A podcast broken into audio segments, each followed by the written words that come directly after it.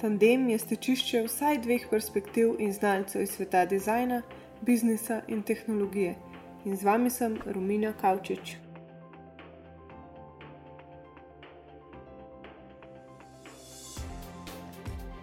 Blockchain je za Bitcoin to, kar je internet za e-mail. Nova faza in nadgradnja interneta, ki nam je življenje že korenito spremenila, še vedno pa pušča ogromno prostora za razvoj. Zapisanih informacij ni več mogoče izbrisati. Ali to pomeni, da bo prišlo do več razkriti? Ali gre za popolno razgraditev obstoječe hierarhične scheme finančnega posredništva? Kako in zakaj nam blockchain in kriptožetoni spremenjajo življenje, pa bom v tandemu govorila z Andrejem Fodorjem in dr. Urbanem Sedlarjem.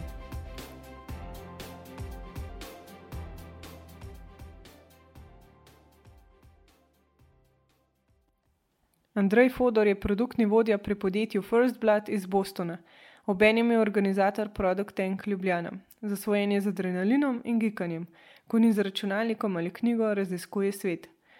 Dr. Urban Sedlar je raziskovalec in predavatelj na fakulteti za elektrotehniko, obenem je soustanovitelj Spinofa, ki razvija merilno opremo za telekomunikacijska omrežja.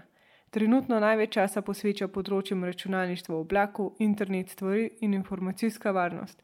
Vse bolj ga zanimajo tudi aplikacije na osnovi blokčina. Ima večletne izkušnje z načrtovanjem in razvojem programske opreme. Pozdravljena.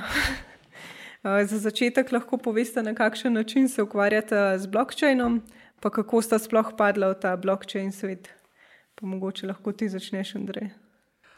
Um, ja, jaz sem se v bistvu prvič uh, srečal uh, v bistvu z blokčinom par let nazaj. Um, preko tega, uh, preko Bitcoina, seveda, pač in teh uh, newsov, ki so počasi začeli širiti. Um, ampak bi rekel, da takrat zaradi finančne in, uh, finančnega incentiva me niti ni toliko pri, privlekel, da se nisem niti toliko zadaval noter v, oziroma poglobil v sam, uh, sam blockchain. Um, me pa piše sodelavec uh, Jan v bistvu upozoril potem po tem Bitcoin crashu, je počasi se začel govoriti o Ethereumu. In uh, takrat sem v bistvu prvič malo pogledal, pa par mesecev kasneje sem začel malo brati na to temo in takrat me je v bistvu začel uh, sam, sam ta space in blockchain pač fascinirati. Um, ja, in pa sem v bistvu čist v sam, uh, v par komunitijev sem prišel in pač se začel pogovarjati o tem, pa gledati na to temo, in počasi se je v bistvu potem ponudila tudi priložnost, da delam v blockchain spaceu. -huh. Jaz sem se prvič srečal z blockchainom leta 2011, ko sem nekje prebral nekaj o bitcoinih. Takrat niti nisem vedel, da je to zares blockchain, ampak se mi je zdelo mogoče, da bi iz tega lahko nekaj bilo. In takrat sem potem, še sam ne vem kako, čez neke čudne exchange, kupil prvih svojih nekaj bitcoinov in potem sem to spravil in pozabil. In dejansko sem se potem, šele več let kasneje, ko je zadeva spet postala marketinško zanimiva, sem se, sem se vrnil na to področje in sem se prvič vprašal, kaj to sploh je. In potem sem začel malo bolj študirati tudi teoretično ozadje. In se mi je zdel, zdela se mi je res lepa ideja, to, kar je ta, ta skrivni avtor Satoshi Nakamoto takrat, uh, takrat sestavil. Ta njegov prvi paper, ki opisuje, kaj je to Bitcoin, je res, res je berljiv, ni tako kot običajni ti akademski paperi, ko sploh ne moreš prebrati do konca, brez da trikrat zaspiš. Ampak je dejansko bilo zelo, zelo razumljivo, zelo Videl se je, da je sestavil zelo, zelo enostavne Lego kocke, ampak na full smešen način, vsaj takrat se je zdel. In uh, dejansko to, da je potem nekaj iz tega rata, to me je vse čas potem naprej fasciniralo, da ta ideja dejansko živi in da, da, da iz nje nastaja zdaj kar tisoče in tisoče novih spin-offov. Mhm. No, saj, če je v bistvu blockchain, um, za Bitcoin to, kar je internet za e-mail. Kako bi pol vidva nekako preprosto opisala, kaj to je blockchain? um, ja, Težko je, ali bi mogoče ti poskusil prvi. Mi, lahko, lahko poskusim. Zdaj, v resnici, v resnici jaz na to gledam blazno preprosto. Ne? Blockchain ni, ni za res, spet ni taka revolucija, kot govorimo, da je. V bistvu gre samo za neko, neke sorte porazdeljeno podatkovno bazo. Ne? In mehanizem, kako to deluje, je mečken bogokleten, skoraj. Zato, ker tako kot se je vse to začelo, začelo se je z Bitcoinom in Satošijem Nakamotom, to je nek pseudonim nekega raziskovalca, ki je napisal paper. Ne? In v tem paperju je samo zlepo skupaj nekaj preprostih idej. Nekaj idej, ki recimo v računalništvu obstajajo že desetletja. Ne? Ampak zlepo jih je na tak način, da, so, da je bil rezultat izjemno potraten. Ne? V bistvu velik, velik, eh, tudi eh, če pogledamo danes, koliko Bitcoin recimo pokur nekih megavatov energije, ne? um, se vidi, da je to zares wasteful sistem. Ampak v svoji osnovi je pa samo, samo porazdeljena podatkovna baza, to pomeni, da, da je celotna zgodovina teh transakcij pač shranjena pri vseh uporabnikih doma. Ne? Se pravi, na mestu, da imamo centralno bazo, tako kot jo ima recimo vaša banka, to zdaj pomeni, da je celotna zgodovina vseh transakcij pri vsakem od nas doma. Ne? Ja, oziroma vseh računalnikih, ki so povezani. Tako, tako. pri vseh, ki, ki so zares te polni, bomo rekli, polna vozlišča, imajo celotno zgodovino. Kaj so pa pol v bistvu največje prednosti blokčina? Jaz bi postavil par prednosti. Eno izmed teh je decentraliziranost. Pravi, to pomeni, da nihče nima dostopa do centralnega serverja, ker kot tak ne obstaja. Um, to pomeni, da se ob kakšnem pojavu ali pa security breachu podatki pač ne izbrišajo. Pomeni, so zmeraj zapisani in so na večjih računalnikih oziroma recimo temu serverjih po, uh, postavljeni po svetu pri nekaterih blokčajnih je recimo pomembno tudi to, da je uh, sledljivost je ena izmed prednosti, spravijo mogoče tudi večjo transparenco in zgodovino uh, samih transakcij. Hm. Um, odstranitev posrednikov je recimo tista znana v uh, finančnem svetu, ki omogoča, da transakcije potekajo peer-to-peer. To je recimo, zelo dober use case pri bančni industriji, kjer se izognemo veliko middlemena vmes in denar poteka veliko hitreje, oziroma vrednost ali pa valuta poteka veliko hitreje od uh, osebe A do osebe B. Ena izmed stvari je tudi mogoče moč uporabnika. Vsak uporabnik nadzoruje svoje podatke, ni odvisen od tretje osebe, se pravi, on lahko izvede transakcijo z vsebino kadarkoli in v katerem koli času. To pomeni, da to, kar mogoče trenutno ni mogoče. In pa smart kontrakti, recimo Ethereumu ali pa kakšnem drugem blockchainu, spravi mogoče zapis pogodbe pri izvedbi transakcije, kjer se izognemo potrebi middlemenov za verifikacijo pravi, takrat, ko se transakcija pošle, se lahko tudi zapiše pogodba, detajli pogodbe in ta ostane v blockchainu in je zmeraj tam. Se pravi, kadarkoli bi bilo potrebno preveriti, vsebina transakcije se lahko zmeraj preveri. Ampak šolski sistem že uči, a vi imate že, v, mislim, kakšen program, ki to omenjate? V bistvu smo že to upletli tudi v študijski program, tako da že učimo študente tudi to. Mhm. Na kakšen način pa? S predavanji tudi nekaj vajamo že na to temo. Da Aha, pol, um, se že spoznajo. Programirajo v bistvu. Tako tudi, ja. Blockchain že spremenja globalno delovanje sveta. Kakšne so obeti za prihodnost in katere panoge se bodo najbolj spremenile? Lahko ti poveš, Andrej, kaj okay. v bistvu že delaš v tem. ja, um, zdaj panoge je veliko. No, tako Te, mi smo se lotili v bistvu gaming sveta, pa pač problema, ki ga imamo v gaming svetu. Ampak če še malo bolj široko pogledamo, ne, recimo ta en izmed bolj znanih je v bistvu finančne svet, tam se že v bistvu rešujejo uh, težave glede um, glede v bistvu hitrosti samih uh, transakcij, pač in kako potekajo. Zdaj, velike, velike že nekega suporta iz finančnega sveta, dobil pač od blockchaina, od Bitcoina do Ripla, do, do marsikaterega drugega um, um, sistema. Um, drugač pa, ja, meni je en izmed zelo zanimivih je pač medicina, um, ki bi lahko uporabljala predvsem stališče kartotek. Zaenkrat grem jaz pač v zdravstveni dom iskati moj karton, lahko bi ga imel pač nekje spravljenega, pa se mi zdi trenutna opcija veliko bolj slaba.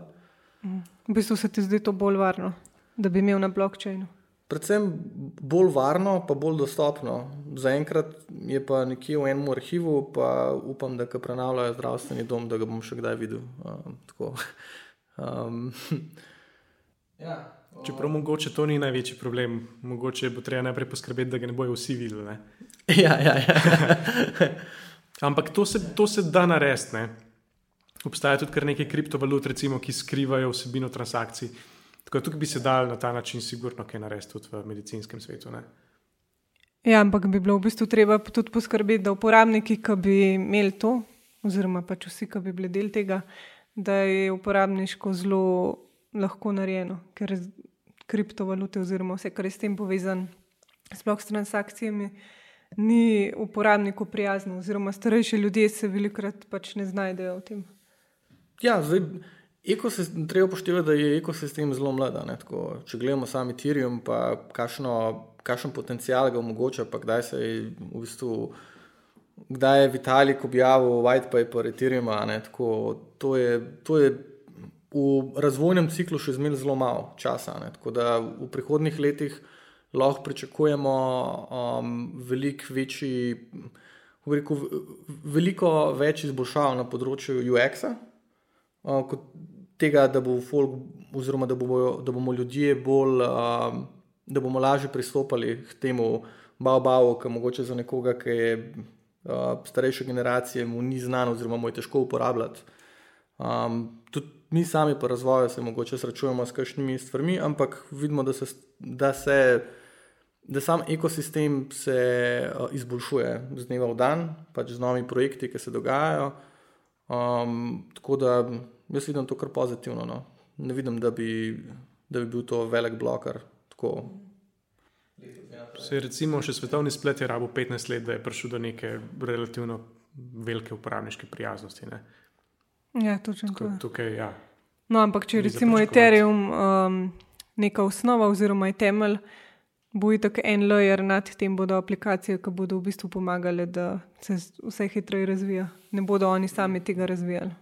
Ja, ja, ja. Sej, to, v bistvu, to je glih največja prednost Ethereuma, no, tako kot jaz pač vidim, je, da bo omogočala mnogim v bistvu ta razvojni potencial, ki ga imajo pač, in odkrivanje stvari um, z novimi produkti. Sej, v bistvu že zdaj vidimo, vsakodnevno ratujejo novi projekti. Ja, ful, vsak dan jih je več. Aloh, uh, mislim, kaj gre lahko na robe pri tem? Hm. Če ja. izberemo ja. eno tako platformo, kaj so največji izzivi? Za razvijalce. Ja, mislim, ja. in za uporabnike. Za uporabnike. Dobro, pustimo ob strani to, da uporabnik lahko naredi marsikatero napako in pač glede varnosti, ampak iz vidika razvijalcev, če se odločijo za neko odprto kodo. Mislim, največji lahko? rizik je sigurno, da se pojavi neka ranljivost, blazno velika, potem ko imaš že narejeno investicijo v projekt in že tok in tok napisane kode. Ne? Ja, jaz bi mogoče tudi rekel, da je to ena med recimo stvari, ki se zna zgoditi. Zdaj, kaj dobro, dobro leto nazaj se je zgodil tisti famozni DAO hack, um, ja. ki je v bistvu pre, prevetril um, blockchain space konkretno, pa je veliko ljudi rekel, da da se ne bojo pobrali. Iz tega dela pa pač so se stvari vsem postavljene na, no, na noge. Zdaj, tukaj se potem odpira tudi to vprašanje, ki ga imajo mogoče space, uh, sam blockchain space malo na, uh, razdeljuje na dva pola. Ne? tistih, ki pač bi kaj poforkali, pa popravili ranljivosti, pa tisti, ki ne bi. Ne? Da je vsak ima svoje mnenje, pa lahko po moje, klele imamo še ne dve uri čet, okoli tega, ja ali pa ne, ampak uh, long term, ja, sigurno se bo kaj pojavilo. Pač so, so riski, tako kot so riski pri vsak, vsaki novi stvari, ki se, ki se razvija in je pač mlada, zato pa pač je treba popraviti s časom. No. Vidim pa, da bojo ti riski vse manjši in manjši s časom. Uh mhm. Kaj pa iz vidika gaminga, ker vi ste pač se odločili za Ethereum, verjetno z razlogom? Kaj ste s tem rešili v, v e-sportu? Ja, zdaj. Um, pri, mi smo se lotili, v bistvu, zakaj smo mi upeljali blockchain pač v naš projekt. Uh, razlog je preprost. Pač trenutno v e-sportih in uh, samemu igranju iger na recimo temu profesionalen način, um, se preko spleta dogaja kar nekaj gljufi. Zato večina turnirjev z velikim nagradnim skladom se dogaja v živo, spravi z računalniki, ki so preklopljeni v svojo LAN mrežo, uh, ki jih nadzorujejo, nadzoruje tam recimo do 2 do 3 sodniki s fresh installed gaming in vsem skupaj kar pomeni, da pride, da se pro, poskuša izolirati space od potencijalnih uh, goljufanj. Zdaj, Kako pa goljufajo? Goljufajo z različnimi, recimo, skriptami ali um, z, z pomaganjem, se pravi, da nekdo dobiva informacije, pridobiva informacije pri igranju. Zdaj, mi smo tudi v našem white paperju v bistvu opisali en koncept, ki se imenuje jury. V bistvu to pomeni, da obstaja možnost nekih anonimnih uh, ljudi, ki lahko gledajo posnetke samega, same igre in ob tem odloči, odločijo, ali je nekdo golfal, če bi nekdo reportal oziroma prijavil uh, igralca pri golfanju. Um, tako da v bistvu mi smo poskušali ta, ta del smart kontraktom pač izvesti tako, da če bi prišlo do tega golfanja, lahko pač pripeljemo v v review samo igro in pet ljudi avtonomno odloča pač o tem, ali je ta igra, ali je nekdo goljufal ali ne, in potem obenem pač izvedemo sankcije, oziroma benamo človeka. Kar trenutno ni, ni bilo scalable v trenutni industriji. No. Mhm. V bistvu imamo ja. pa blockchain na ta način rešil. Ja, to pomaga. Pomagal, plus druga stvar je pač naši platformi bo možno igrati, igrati za uh, pač neko vrednost, um, in obenem pač imamo tudi svoj uh, token, s katerim bo možno igranje na sami platformi. Tako da v bistvu ta dva problema nam rešuje. Mhm. Prek teh tokenov tudi izplačujete potem te nagrade? Ja, ja, tako je. V bistvu to pomeni, da recimo, če se mi dva pomeriva v eni igri, pač jaz uh, položim 10 svojih tokenov uh, na samo igro, in ti tudi, ne, in potem zmagovalec pač odnese ne, uh, 20. Da, ja. uh-huh. Kaj pa iz vidika identitete oziroma demokracije se vam zdi blockchain useful? Mislim, sigurno je useful. Zdaj, rekli smo, da je porazdeljena baza, ne? nismo omenili, da je to porazdeljena baza, ki jo v bistvu ne moreš spremeniti. Se pravi, ko nekaj daš noter, je to noter forever. Ne? Z tega vidika se mi zdi zanimivo za trekanje številnih, uh, številnih stvari, ja, tudi za enforcanje takih uh, poštenosti različnih akterjev v kjerkoli že. Ne? Recimo tudi v politiki ali kjerkoli. Se pravi, to, da dejansko svojo obljubo nekje, ko jo poveš, po timestampaš in potem jo ne moreš zanikati. Ne? In se točno ve, da je bilo nekaj recimo, izjavljeno v nekem trenutku. Ja, v bistvu nihče ne more zbrisati več tega. In že zato, ker je pač porazdeljeno, ker imajo to potem vsi uporabniki, lahko to si naložijo celotno zgodovino k sebi. To pomeni, da ne moreš kompromitirati ene centralne točke v sistemu, ki to hrani. Ne? In imaš potem dejansko imaš zgodovino, ki je porazdeljena posod. Ja. Torej, aj goljufanje sploh možno? Zelo težko v resnici. Zdaj, če se obesimo na eno veliko, uh, tako na en velik blockchain, recimo Bitcoin, Ethereum, karkoli, um, ki ima veliko uh, udeležencev, potem je izjemno težko ne, uh, zmagati oziroma narediti neko goljofijo, temu se reče 51-odstotni napad. Se pravi, moraš imeti večjo računsko moč, kot jo ima 51% uh, networka. In če je to velik network, potem je to v praksi čist neizvedljivo, se pravi, nemogoče za normalnega uporabnika. Ali bi na blockchainu lahko ustvarili social network, ki ne bi prodajal podatkov, oziroma bi bili naši osebni podatki bolj varni? Ja, mogoče ste, ne vem, pred, pred kratkim se je zgodil ta crowdsale od Kika, ki je messaging platform. Um, oni imajo, recimo, oni so, mislim, njihov fund je bil, oni so crowdsale 100 milijonov, nekaj takega. Tako da bomo videli, kaj bojo tudi oni naredili. Ne? Tako oni so, recimo, tak čisti messaging platform. Pa bomo videli, kam bojo zaspinali v bistvu svoj model. Jaz mislim, da ga bojo vseeno, pač, vseeno bojo monetizirali svoje userje tako ali na drugačen način. Um, tako da bo zanimivo. V teoriji se sliši, v teoriji se sliši stvar zelo super, pa zna, mislim, bi, bi bila v redu, ampak glede vsa ta podjetja, ki delajo te stvari, se pravi pač neke social networke, imajo zmeri nek incentiv, oziroma vsaj obstoječ biznis model je pokazal, da je incentiv prodajanje uporabnikovih podatkov, zato pač da služijo denar. In To je pa seveda samo zato, ker nihče ne plača za te storitve.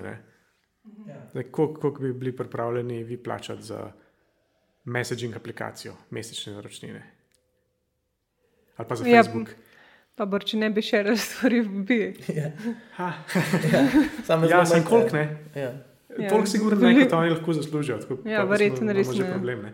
Ja, plus, če gledamo, mogoče v neki, kako bi rekel, omejeni bazi ljudi, a ne? Zdaj, če gledamo široko mo- demografijo, verjetno večina ljudi ne bi bila pripravljena plačevati. a ne.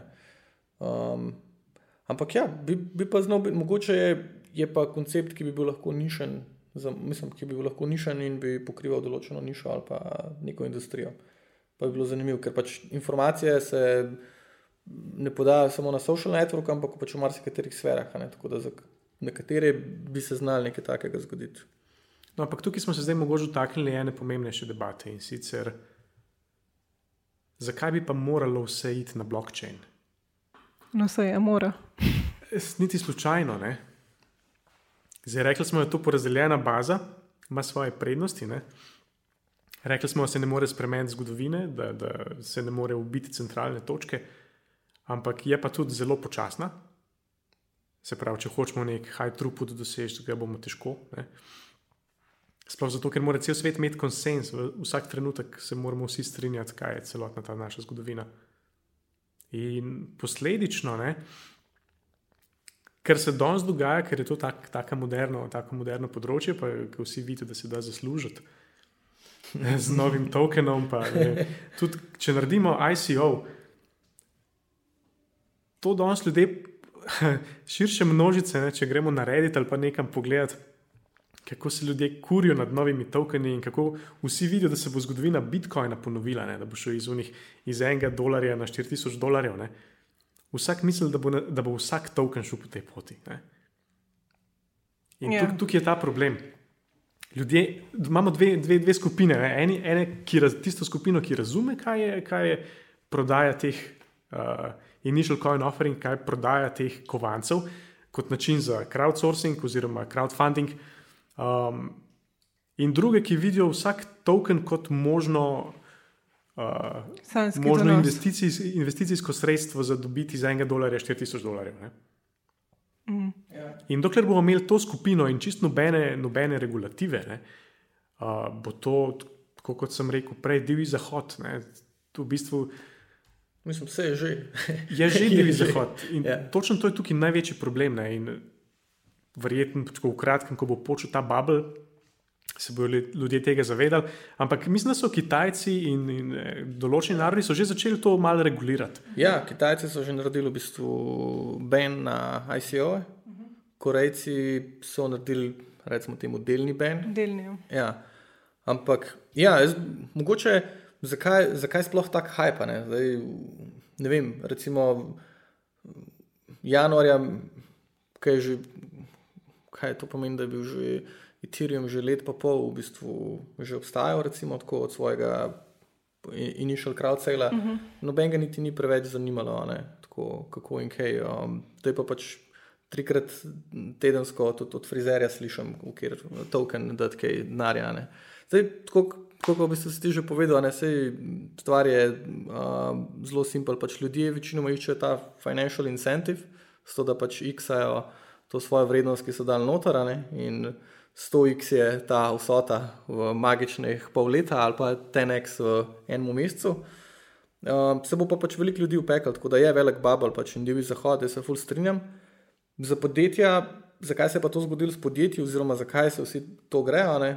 je pa pač jaz bi mogoče rekel, da ob trenutnih, trenutno obstoječih regulativah je to, to, kar je Kickstarter naredil za hardware produkte. Tako, zato taka revolucija. Se pravi, relativno z malo prikazanega nekega validiranega koncepta, pa dobro idejo, se da dobiti konkreten kapital, ki ti omogoča recimo ra, dober runway za nekaj časa, izve, izvedbo koncepta, pa če in mogočen boost uh, nekam drugam. Ne. Danes Danes ni nič posebenega za crowdsale, vseš nekih 10 milijonov uh, dolarjev. Tako ni neka velika številka. Medtem, če gledamo nek venture, fund capital in podjetje, kaj morajo, kakšne metrike morajo pokazati za ta isti denar, so stvari drugačne. Da, po mojih ocenah, bi jaz rekel, da je trenuten bubble celo večji kot uh, je dotcom bubble, kar se tiče pač investicij ker pač veliko ljudi česa. Velik problem ja. so skemerji tukaj. Ja, Zato, ja. Ker dejansko je zelo enostaven narediti. Veliko teh uh, obstajajo celi sajti, ki delajo analizo teh uh, ja. coinov. Ne? In dosti je postavljen en simpel web page, ki nekaj obljublja. Ne? Pa pač da. Pa gor je forma ljudi. in to je to. Ne? Mogoče je kakšna kontaktna oseba napisana, sploh ni treba, da je. Ja. Uh, narediš nov token, to je v bistvu dela za pol ure, ne, če vzameš kar un template eh, iz Ethereum Wikija, ne, in že lahko narediš v bistvu initial coin offering in že loviš naivne investitorje. Se pravi, ne rabiš, ne rabiš veliko. In tukaj je problem, da je na koncu, trenutno, če po mojih ocenah je več kot 90% takih, ki obljubljajo nekaj, kar ne morejo deliverati. Ali pa ki sploh niso zares podjetja, ki bi imela kakšen plan to zdaj naprej s tem denarjem kaj početi. Ja, problem je tudi v tem, da recimo Kickstarter ima neke regulative in preverijo, če je na koncu ta hardware review za svoje. Ja, ja. Medtem ko v bistvu vsa ta podjetja, ki so že dobila investicijo. Čez eno leto, dve vprašanje, koliko jih bo obstajalo. Oziroma, ni ničesar, kar bi... koliko jih je bilo narejenih točno s tem namenom, da poberijo cache in zaprejo štacuno in grejo na. In v bistvu lahko, hane. pač brez problema. Ja, obstajajo že tudi uh, copycati našega produkta, so se pojavili no, ja. z infringenimi stvarmi. Sam um, z drugim imenom in tudi to. Ja, tako je. Pač z uporabljenim istim white paperjem. um, pa ja, zaenkrat jih ni videti, ne? ampak kar je pač skledalo, je vse dišalno, pač to zelo velik pač skem in v bistvu tak klasičen pump kovanca, zato da prodajo tisto, kar so še dobili od deleža, plus eter, ki so ga zaslužili zraven. To se bo dogajalo. Jaz sem Jaz sem velik zagovornik tega, da se regulative čim prej vzpostavijo, spet v neki dobri meri razume.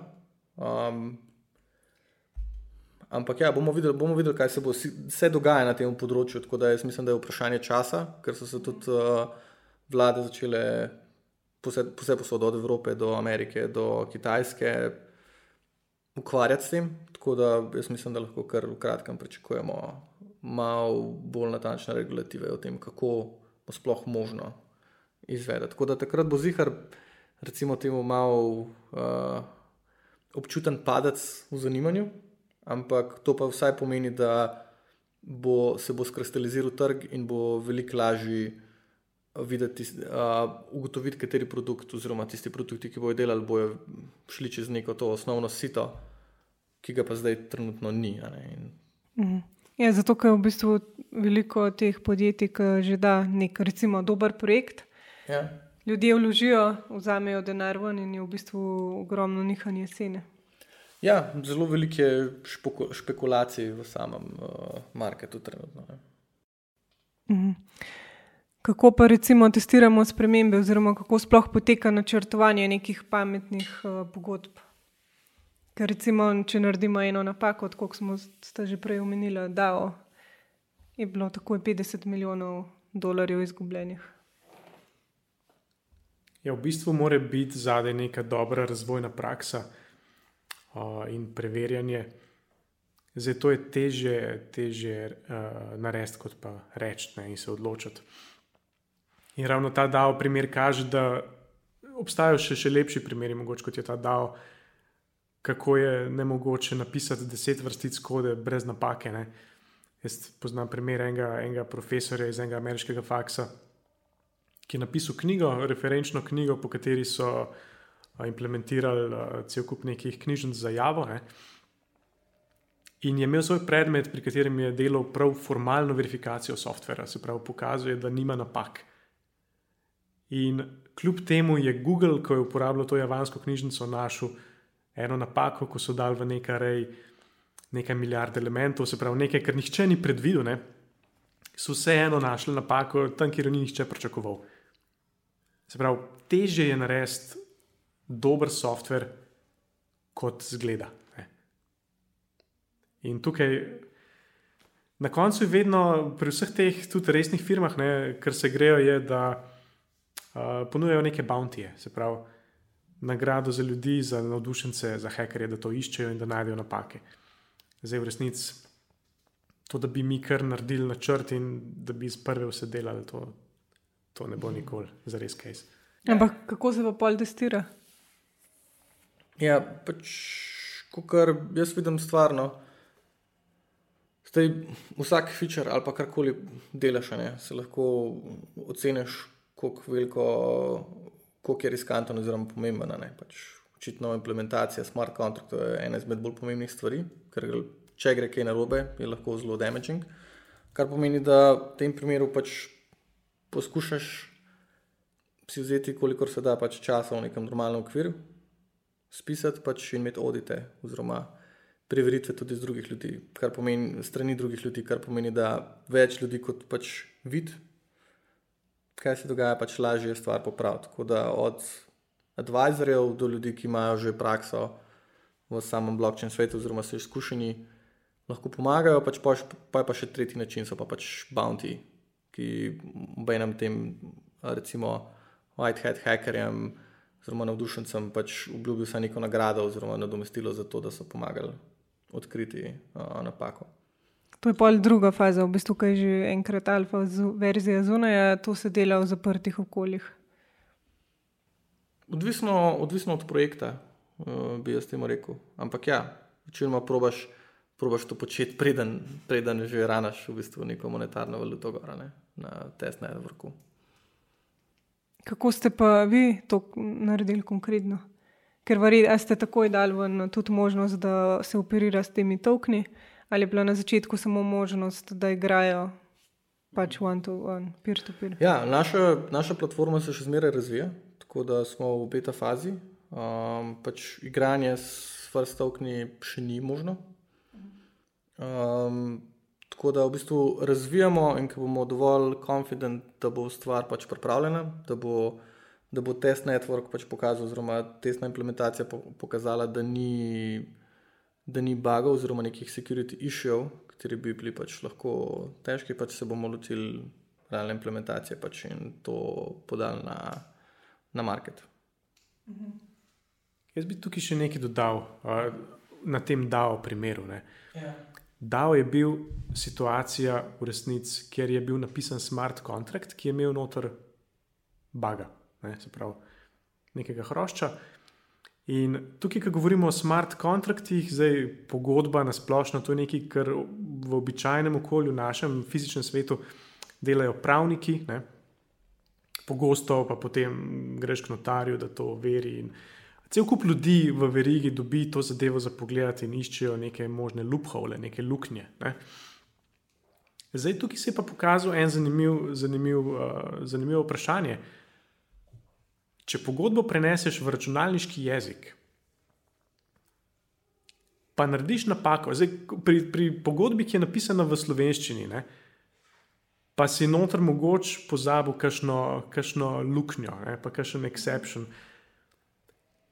Bo razsodnik na koncu lahko rekel, ja, to pa ni bilo narejeno, vaše dejanje sicer um, po pogodbi ni, niste v prekršku, oziroma niste prekršili pogodbe, ampak niste pa ravnali v duhu, v katerem je bila ta pogodba napisana. Ne? Zdaj, kaj pa če to prenesemo v računalniški jezik? Kje, kdo zdaj lahko reče, kaj je duh, v katerem je to napisano? Kaj je zdaj tista resnica, po kateri mora se pogodba obnašati? Izvedel bo računalnik in če je noter luknja, bo izvedel z luknjo. In poti nazaj ni. In poti nazaj ni, seveda. Ker pomeni, da če pozabimo v takem primeru luknjo, potem, potem moramo, bi mogel sodnik v vsakem primeru reči na koncu, da ja, pogodba je bila tako napisana, se pravi, to je to. Luknja je očitno noter bila namerno. Ne.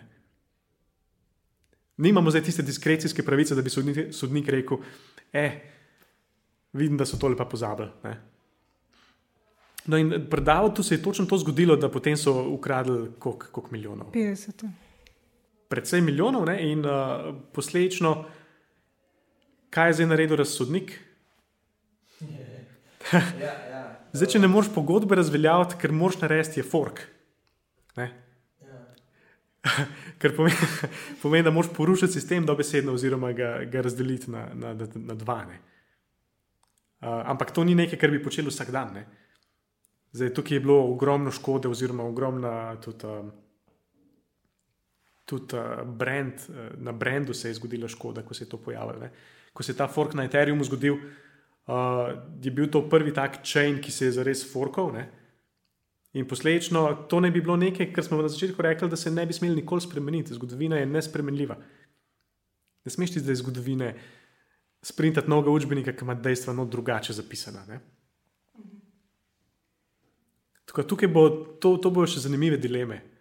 Ja, bo, se, bo, se, ja. se strinjam. Sej, če pogledamo tudi z drugega vidika, ne, jaz se popolnoma strinjam. Ne, tukaj v bistvu gre za spremenjanje zgodovine in tega, kar je bilo pač ustvarjenega.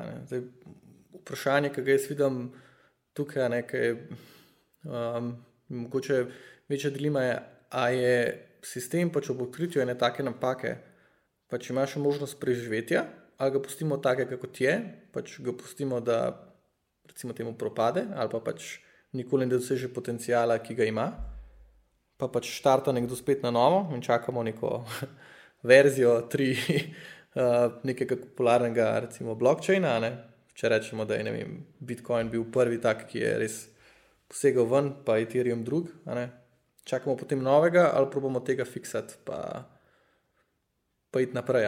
Se pa strinjam, ja, da z, z večjimi koraki, kjer se to dogaja in spremenja, pač manj uh, zaupanja ima sam, sam sistem pač v ljudi, še posebej glede na to, da je se brandira kot decentralizirana ne?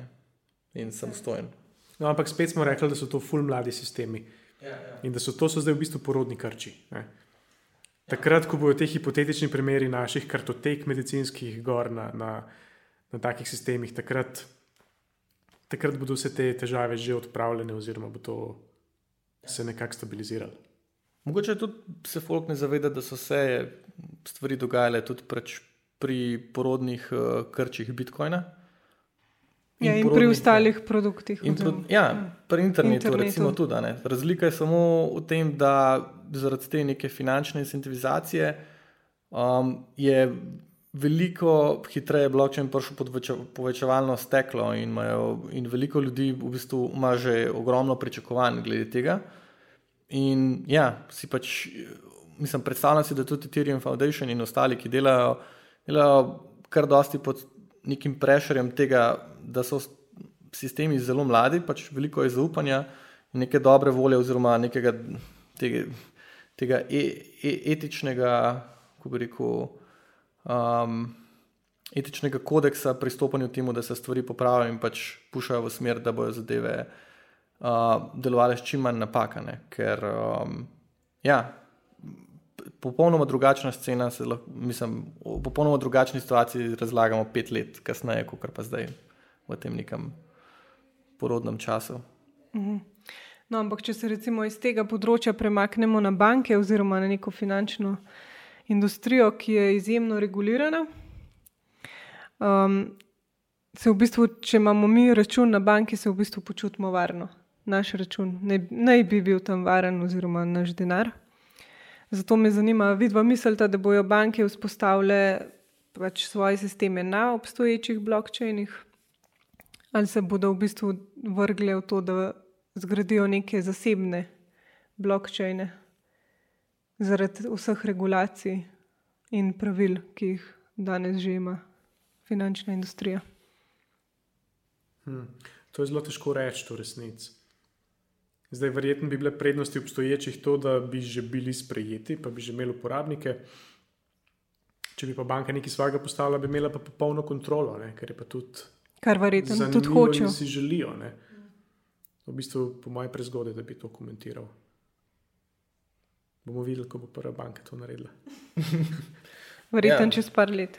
Mislim, velike špekulacije, vse kar jaz gledam pač v Spaceu, pa nekih teh uh, novicah, ne, je od tega, da nekaj bank pač adopta Ethereum, se pa pač veliko dogaja na tem, da hajrajo, mogoče te malo večje banke, tudi svoje blockchain developerje in se govori o tem, da bojo pač svoj sistem razvila. Ne. Tako da je verjetno tudi odvisno od strategije same banke. Zaenkrat pa še ne vem, nisem videl nekega adopšna strani zelo, recimo, velike korporacije, bančne korporacije, ki bi že uporabljale blockchain. Mm, tudi jaz ne. Ja. Ne, razen tega, da v švicarski banki lahko paš Bitcoin.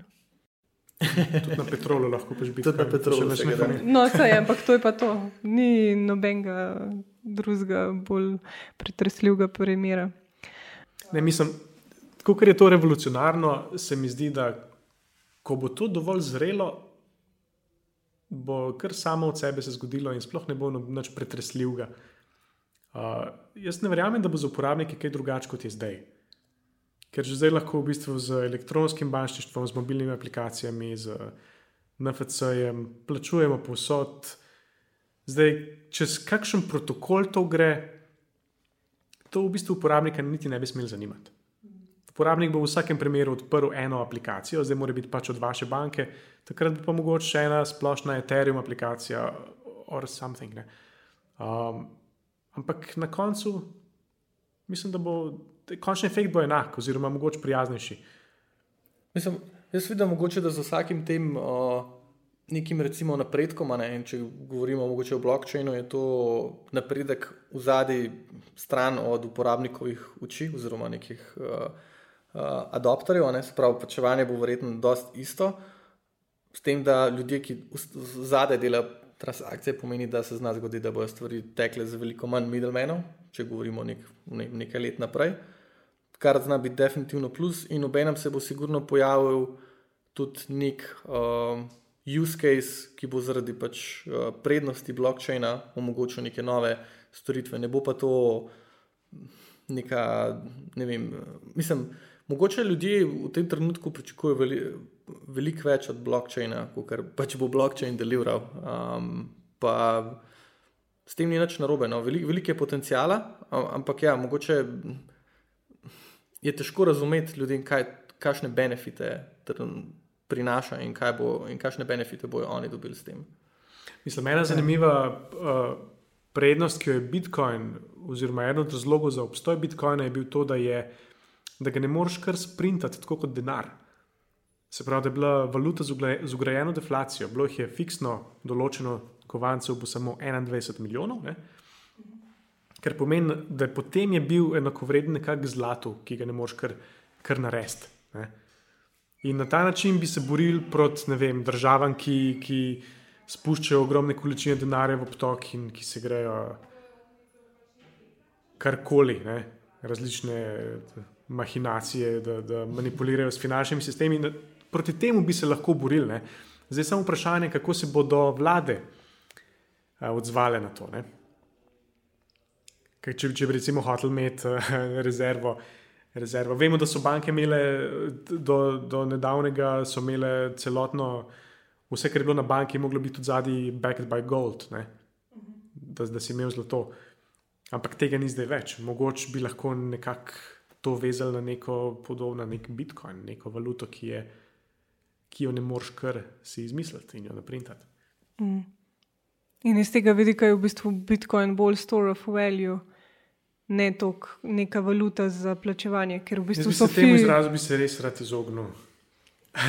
Mislim, se pa v bistvu Zato, ker- sprašujem. Ja, ta store of value v resnici trenutno ne, ne, smem, ne smemo reči, oziroma dati na sveta komorkoli, da, da je to zares store of value. No, saj v bistvu eni Zato, ga ker vidijo vemo, da je samo vrednost- valuta ja. za transakcije, ampak je. Um, Fiji so kar dragi postali. Če Ja, primerjamo. Se, te fiji so res problem. Te fiji so uničili idejo, da bo to kdaj za mikrotransakcije. Sploh. Ja, Bitcoin valuta. sigurno ne. Bomo pa videli, kaj se bo zgodilo s Kalom uh, Ethereuma pač naslednje leto, no, ko bo, ko bo prišel. Sigurno bomo prišli do, te, do tega uh, nivoja, da, da bo blockchain oziroma pač neka verzija blockchaina tako scalable, da se bo dal realno časovne transakcije narediti čez ene. Zdaj pač vprašanje časa, bo vprašanje, a, a bo imel to incentiv zamenjati neko drugo valuto oziroma kako bo pač stvar implementirana in če bo. Um, pač zaenkrat Bitcoin pokazal, da Bitcoin ne bo ta, čeprav bi bilo tudi pušal v komercialnem svetu v to, ne? ampak pač ja, čakati čakat že prej, že dolg časa, niti ne vem točno, koliko je na Bitcoinu uh, čas po potrditve transakcije v povprečju, ampak že- prej je bil kar dosti visok in pač nerealen, spravi to mora biti pač v parih sekundah, ki ga pa pač noben zaenkrat še ne more potrditi. a Ne? Mhm. Kateri projekti so vam pa trenutno najbolj zanimivi v kriptosvetu?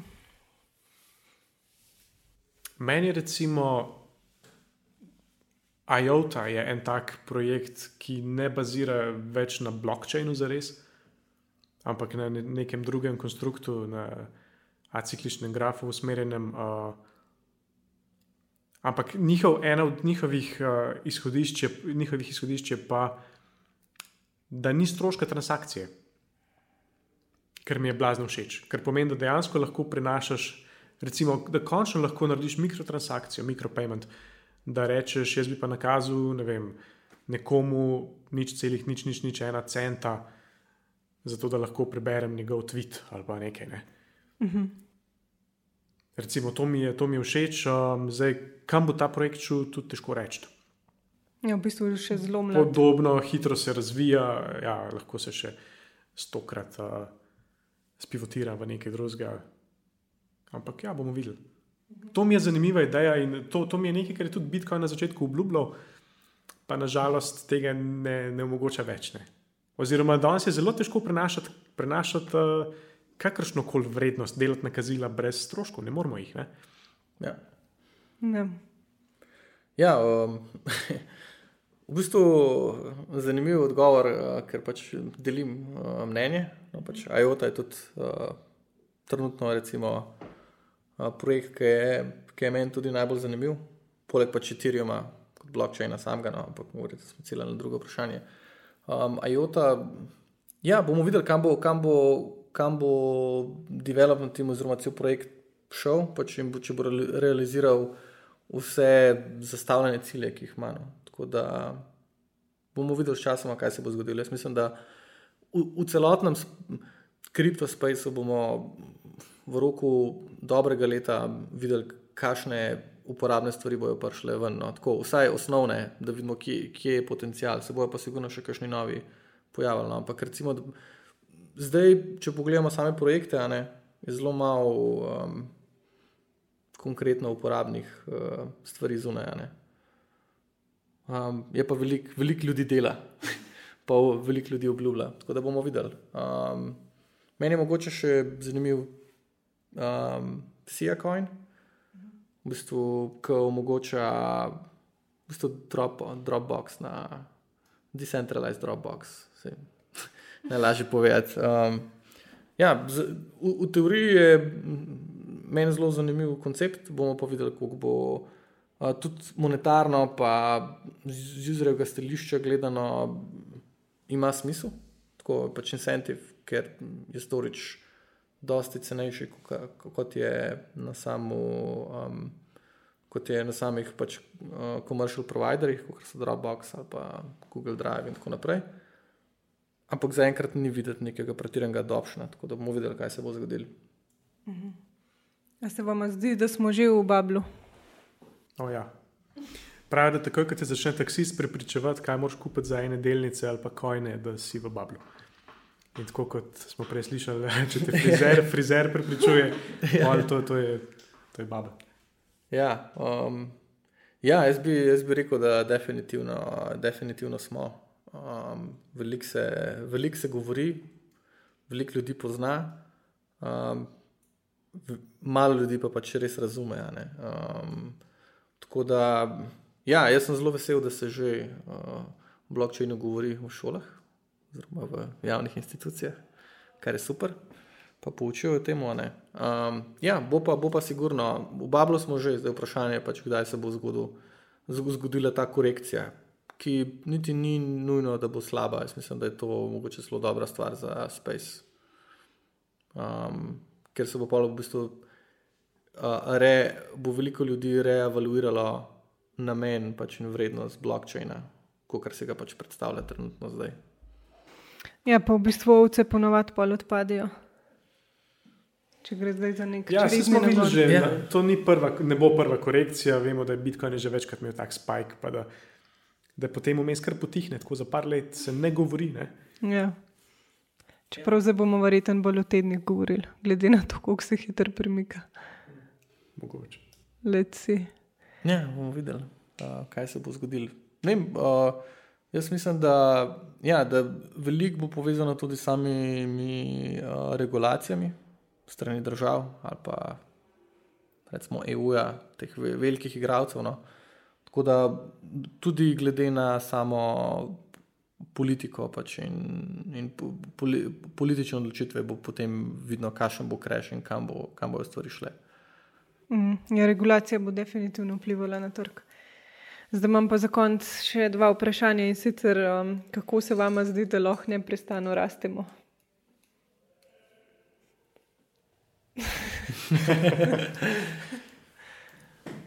um, po mojem, tako da smo radovedni, pa da postavljamo vprašanja. Ja, jaz bi tudi rekel, da radovednost, pa mogoče um, ta um, nepris neprisotnost strahu, oziroma pač hrabrost, uh, pač uh, lotevanje problemov, veliko lahko pomaga. Se pravi, pač preprosto učiti se, vsak dan se nekaj novega naučiti, pa početi out of comfort zone. No. Veliko pomaga hrasti. Se strinjam. A za konec eh, lahko poslušalce um, pošljete na kakšne kul cool strani, kjer bi si lahko prebrali več o blokčinu. Če imate kakšne najljubše vire ali pa blog ali karkoli. Poleg redita.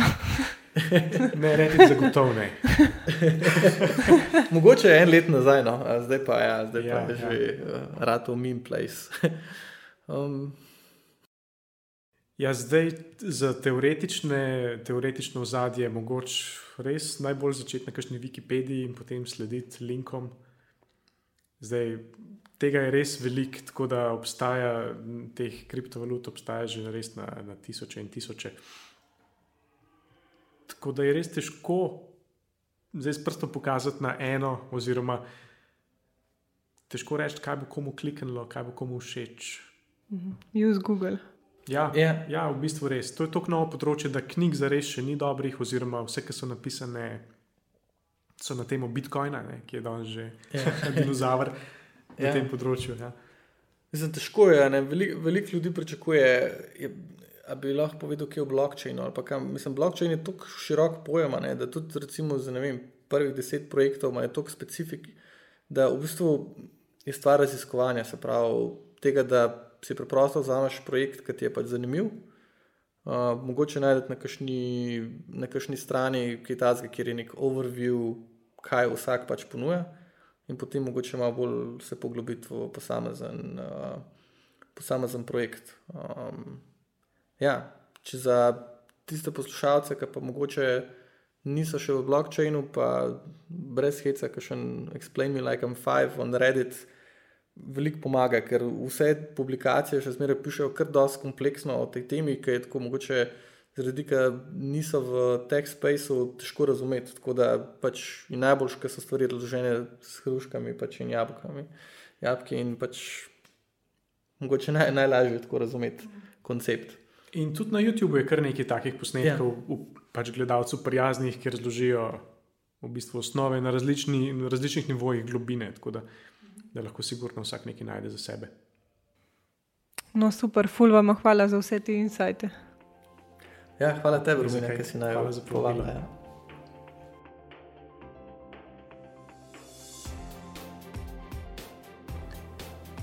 Tandem lahko spremljate na Twitterju, Instagramu in Facebooku pod Poslušaj Tandem. Vaša mnenja in predloge pošljite na hajafna poslušaj tandem.si. Adijo, se slišimo čez 14 dni.